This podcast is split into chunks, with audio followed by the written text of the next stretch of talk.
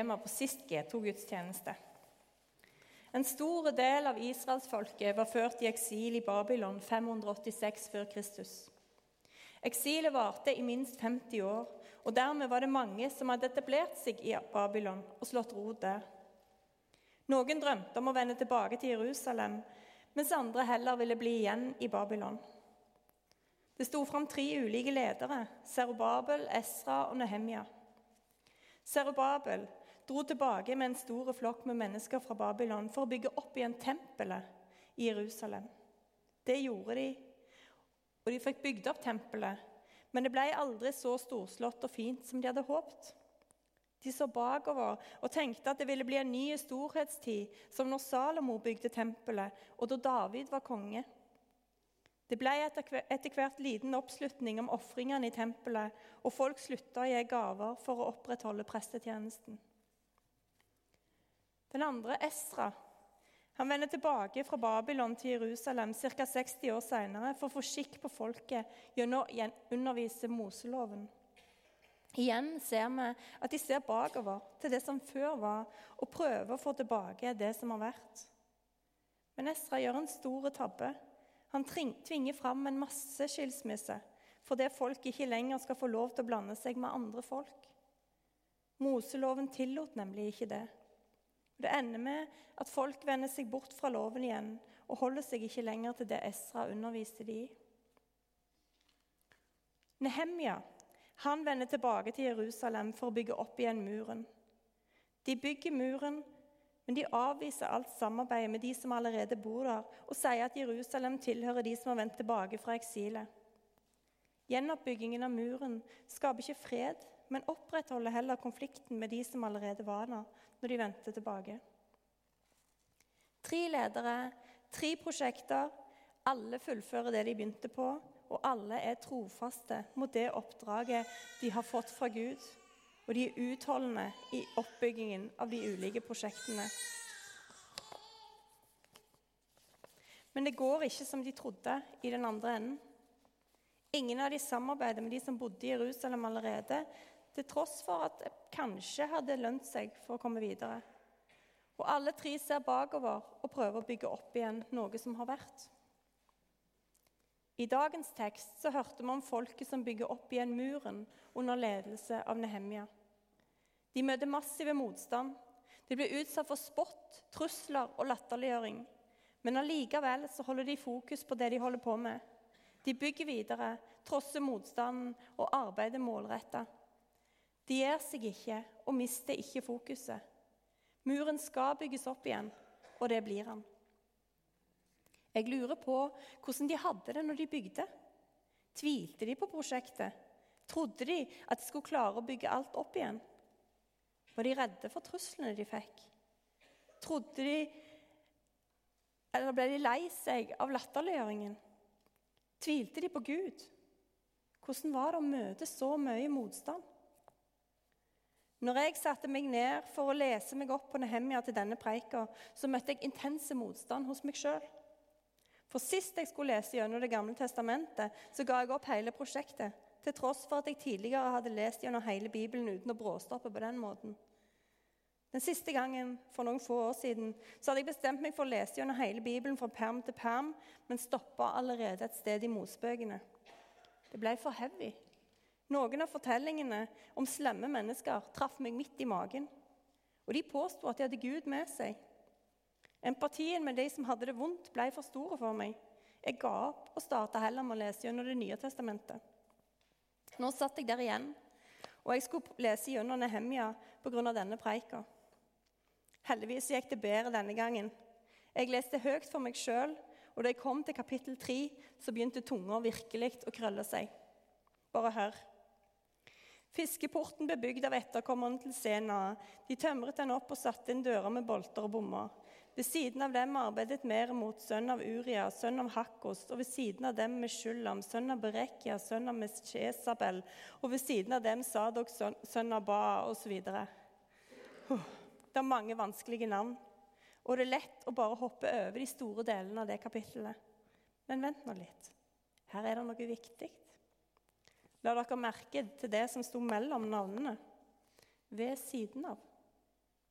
Da sto ved siden av dem bygde mennene fra Jeriko.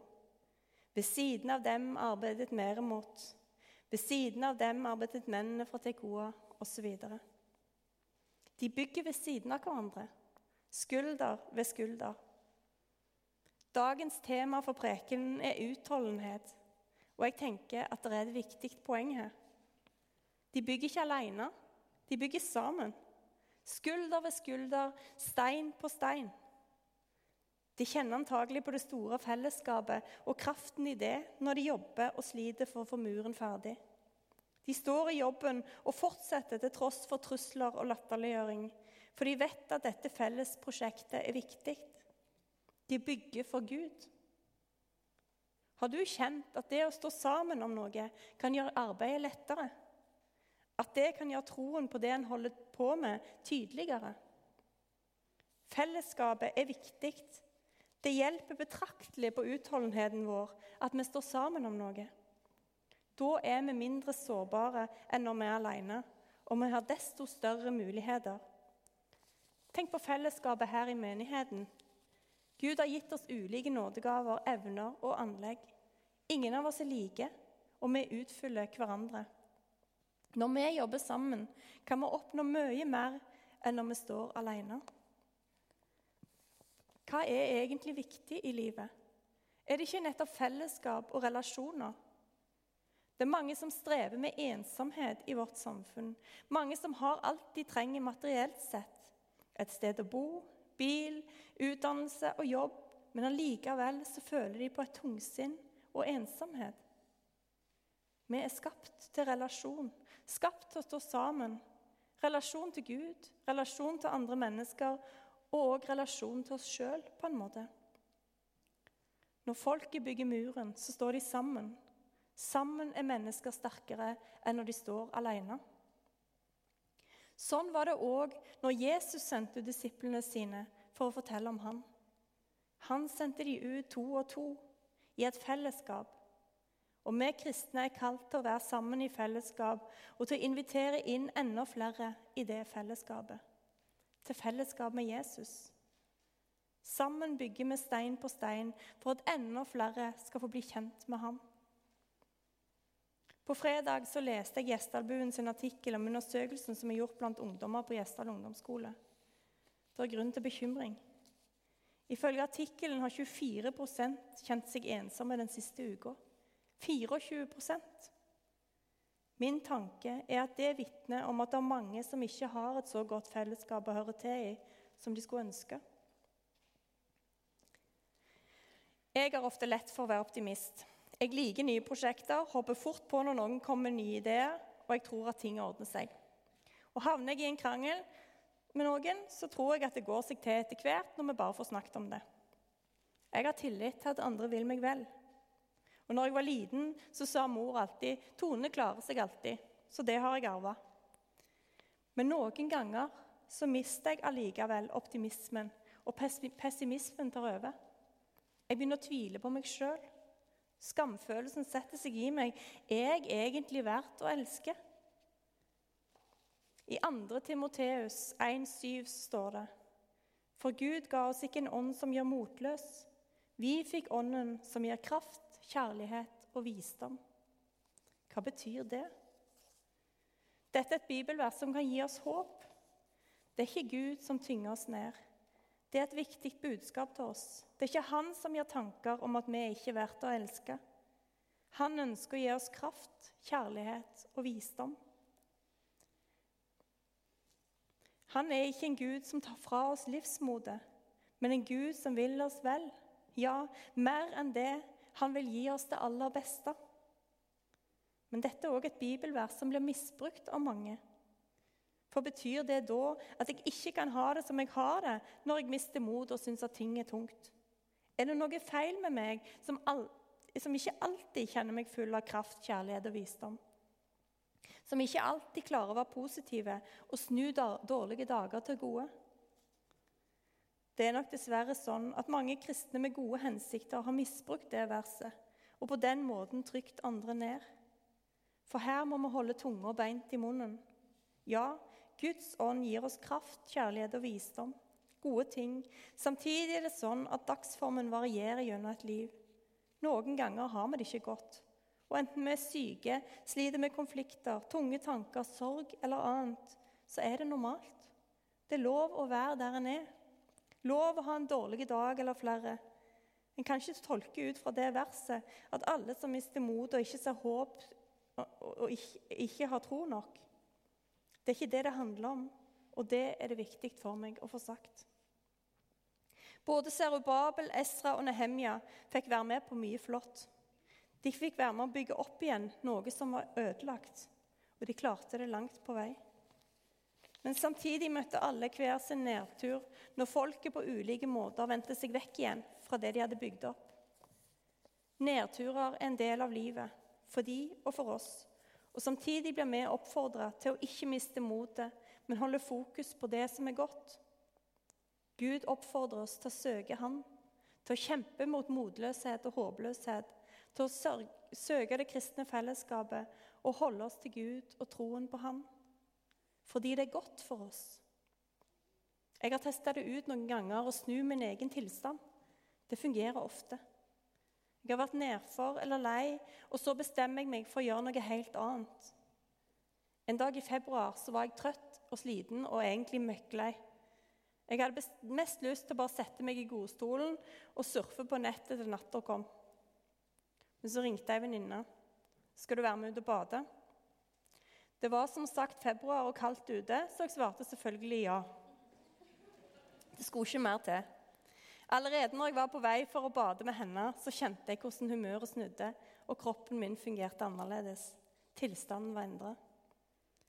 Det går ofte an å snu en dårlig dag, eller i alle fall finne noen som hjelper oss å holde ut og holde motet oppe. Det er ikke bare oss sjøl vi kan begynne å tvile på, men det er òg Gud. Er det virkelig sånn at Han er med oss når det er så mye vondt i verden?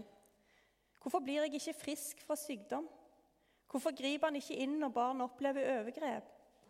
Det er så mange spørsmål, og av og til kan de ta overhånd. Hvor er du, Gud? Fins du der ute? Utholdenhet handler om det òg. Om å holde fast i troen på Gud, sjøl om det er mange ting vi ikke forstår. Bære håpet for hverandre når vi sliter med å tro sjøl. Hjelpe hverandre med å holde fast på troen og det håpet den innebærer. Alle de tre lederne vi har hørt om i dag, har til felles at de ønsker å leve i Guds plan, gjøre det som de mente Gud ville at de skulle gjøre. Og vi blir òg oppfordra til det. Til å leve livet vårt sammen med Gud og til å lytte til Han og de ønsker Han har for hver enkelt av oss. Utholdenhet og trofasthet er to sider av samme sak. Gud kaller oss til å være både utholdende og trofaste. I dagens samfunn er vi vant til stadige skifter i aktivitet. Har vi sittet stille i tolv minutter, er det tid for å gjøre noe annet. Og vi er vant til å få våre behov tilfredsstilt så fort som mulig. Vi er ikke vant til å vente. Det kan være krevende for et moderne menneske å skulle jobbe med langvarige prosjekter og utholdenhet. Noen av oss har mer tålmodighet enn andre, og det er ingen hemmelighet at jeg som oftest er blant de minst tålmodige jeg kjenner. Jeg liker at ting skjer nå, og at jeg slipper å vente. Dette kan av og til være en utfordring for meg når det kommer til tro, utholdenhet i bønn, bibellesing og andre kristne trospraksiser. I flere land i verden blir folk forfulgt for sin kristne tro. Folk blir mobba, trakassert, satt i fengsel uten lov og dom og terrorisert på ulike måter bare fordi de tror på Gud. Hva er det som gjør at disse menneskene allikevel holder ut i sin tro på Gud og ikke gir opp hele prosjektet? Det må det være fordi de har møtt den levende Gud. De har ikke bare hørt han og lært om han, men de har opplevd at han går sammen med dem. I dåpsbefalingen som ble lest, lest i dag, så hørte vi jeg har fått all makt i himmelen og på jorden. Gå derfor og gjør alle folkeslag til disipler. Døp dem til Faderens og Sønnens og Den hellige åndens navn, og lær dem å holde alt jeg har befalt dere. Og se, jeg er med dere alle dager inntil verdens ende. Alle som tror, oppfordres til å fortelle om Jesus, sånn at alle mennesker får høre om ham. For fortellingen om Gud og troen på Han er ikke for noen få innvidde, sånn som vi hørte i fortellingen om de tre mennene. Nei, dette gjelder alle mennesker, uansett hvem de er, hvor de bor, eller hvilket folk de tilhører. Jesus har lovt å være med oss alle dager, helt til verdens ende, og han holder det han lover. Han som er den mest utholdende av oss alle, og som aldri glemmer hvem vi er, eller hva vi heter. Han som alltid står og tar imot oss med åpne armer, fordi vi er verdifulle for Han.